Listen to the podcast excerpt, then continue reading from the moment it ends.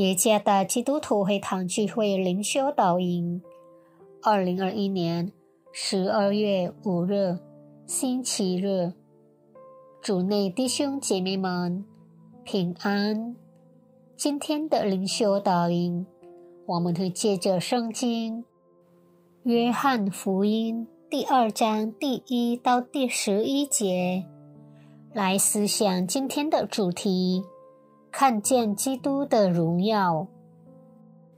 作者：真理物牧师。约翰福音第二章第一到第十一节。第三日，在加利利的迦拿有娶亲的筵席，耶稣的母亲在那里，耶稣和他的门徒也被请去赴席。酒用尽了，耶稣的母亲对他说：“他们没有酒了。”耶稣说：“母亲，我与你有什么相干？我的时候还没有到。”他母亲对佣人说：“他告诉你们什么，你们就做什么。照犹太人洁净的规矩。”有六口石缸摆在那里，每口可以盛两三桶水。耶稣对佣人说：“把缸倒满了水。”他们就倒满了，直到缸口。耶稣又说：“现在可以舀出来，送给管员洗的。”他们就送了去。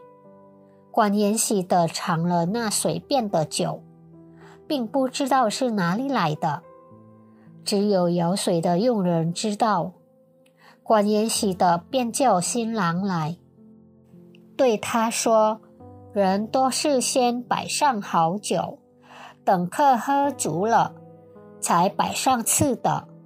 你倒把好酒留到如今。”这是耶稣所行的头一件神迹。是在加利利的迦拿行的，显出他的荣耀来，他的门徒就信他了。朵拉的家人为女儿的毕业举行了感恩会，他们邀请了邻居、亲戚和一些久未见面的老朋友，在活动进行中。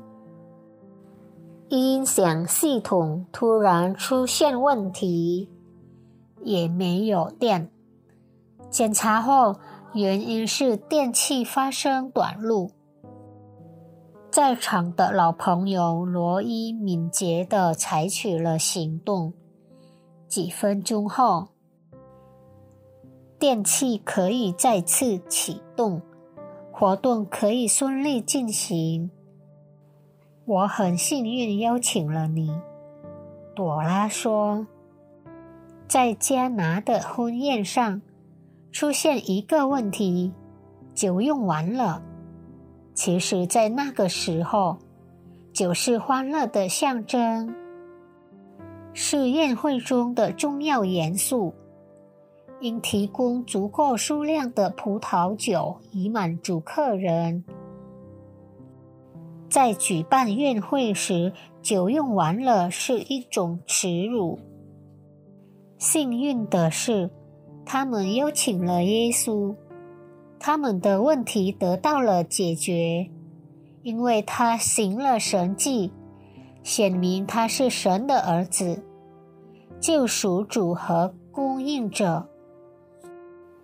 读到这个故事，常常让我们期待。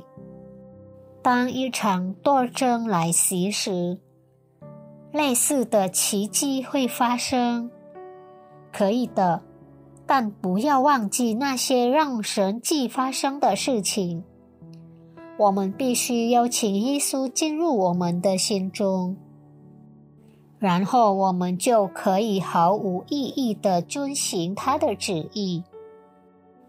有时发生的事情恰恰相反。耶稣扩了人的心门，但我们却把他赶出去了。我们拒绝按照他的旨意生活，因为他的方式与我们的愿望相反。谨防生命中没有耶稣的同在和角色，我们就不可能感受到他的大能。当我们邀请上帝，并且毫无争议地遵循他的旨意时，奇迹和上帝的伟大力量就会发生。愿上帝赐福大家。